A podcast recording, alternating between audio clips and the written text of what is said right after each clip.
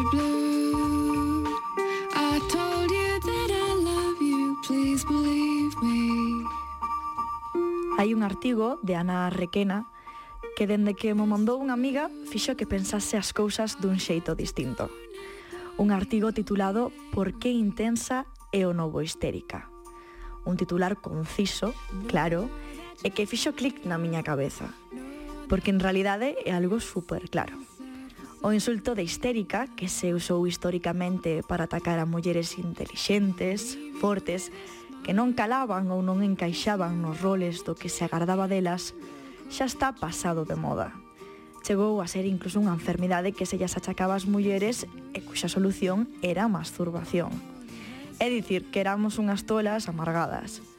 Pero hoxe, grazas a que falamos entre nós e verbalizamos as nosas violencias, Prácticamente calquera muller que é chamada histérica pode recoñecelo como un insulto completamente misóxino, polo que xa non cumpre o seu cometido. Así é todo, hai unha palabra que ten as mesmas connotacións non recebe o mesmo rexeitamento a nivel social. Unha palabra que se emprega excepcionalmente para homes, pero que reciben maioritariamente as mulleres. Intensa. Intensa é quen sente moitas cousas, quen quizás faila dos seus sentimentos como equivocado. Intensa é a que se enfada, a que está triste, a que require cuidados. E se falamos disto, como non mencionar as Riot Girls, un movimento feminista en Estados Unidos no comezo dos 90. Un movimento que, además de moitísimas outras reivindicacións, tivera un discurso que me marcara especialmente Dicía, ah, I have the right to be sad, I have the right to be mad, I have the right to be disgusting. Teño o dereito a estar triste, teño o dereito a estar enfadada e teño o dereito a ser noxenta. É dicir, a non estar sempre guapa. Porque as mulleres que protestan, que expresan os seus sentimentos, son as intensas. Porque, como dicía ese grandísimo discurso de Ongel, os homes queren a unha chica chill. Nick amaba a la chica que yo fingía ser. Los hombres siempre dicen eso, ¿verdad?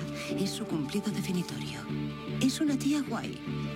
Una tía guay está buena, una tía guay traga, una tía guay es divertida, una tía guay nunca se enfada con su hombre. Solo sonríe de una forma cariñosa y mortificada. Le gusta lo que a él le gusta. Y evidentemente es una hipster consumidora de vinilos a la que le encanta el manga fetichista. Si a él le gusta el porno ligero, ella es una adicta a los centros comerciales, habla de fútbol y soporta comer alitas picantes en Hooters. Cuando conocí a Nick Tan, sabía que él quería a una tía guay. Y por él reconozco que estaba dispuesta a intentarlo. Porque se ben é certo que os homes os educan para non expresaren os seus sentimentos, para non choraren, para non se abriren entre eles.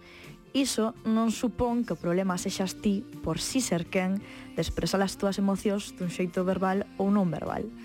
Porque como destendidísimo está o de facer chistes a custa de que as súas mulleres están tolas, que non hai quen as aguante.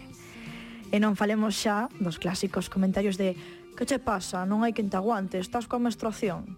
Un tipo de comentario que case todas recibimos ao longo das nosas vidas e que, como di Hannah en Girls, di máis do home que fai que da muller que vive as súas emocións. Tú no entiendes la naturaleza de la amistad entre mujeres. Tiene razón, no la entiendo, ni me interesa saber si se compone de ignorar toda lógica o dejarse llevar por la histeria. Yo pienso que las mujeres viven atrapadas en una especie de vórtice de culpa y envidia hacia las otras que les impide valorar las situaciones con claridad. ¿Viven atrapadas? Hablas como uno de esos tíos que piensan que las mujeres no deberían llegar a la presidencia porque la menstruación les puede nublar el juicio. Pero no deberían. ser presidentes porque sí, que podría, a su juicio. E a realidade é que isto pois, se multiplica cando é unha persoa que nace cunha sensibilidade especial. Algo así como que lle pasa a Ru en euforia dende que nace, malia os esforzos da súa nai, de que non o vexa como algo necesariamente negativo.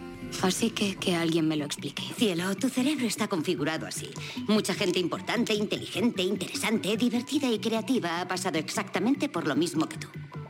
¿Como quién es? Ah, Vincent Gogh. Silvia Plath. Y tu favorita, Britney Spears. Está calva. Ya es terrible. que ao final xa bastante temos todas con levar os nosos sentimentos. Que non hai nada de malo en ser unha intensa se tes ao teu lado a persoa axeitada. Que non podemos volver a caer nun novo histérica que nos cale a boca, que nos faga sentir pequenas ou como se estivésemos tolas. E que é mellor deixar caer as vaguas que atragoarse con elas. Well, you do.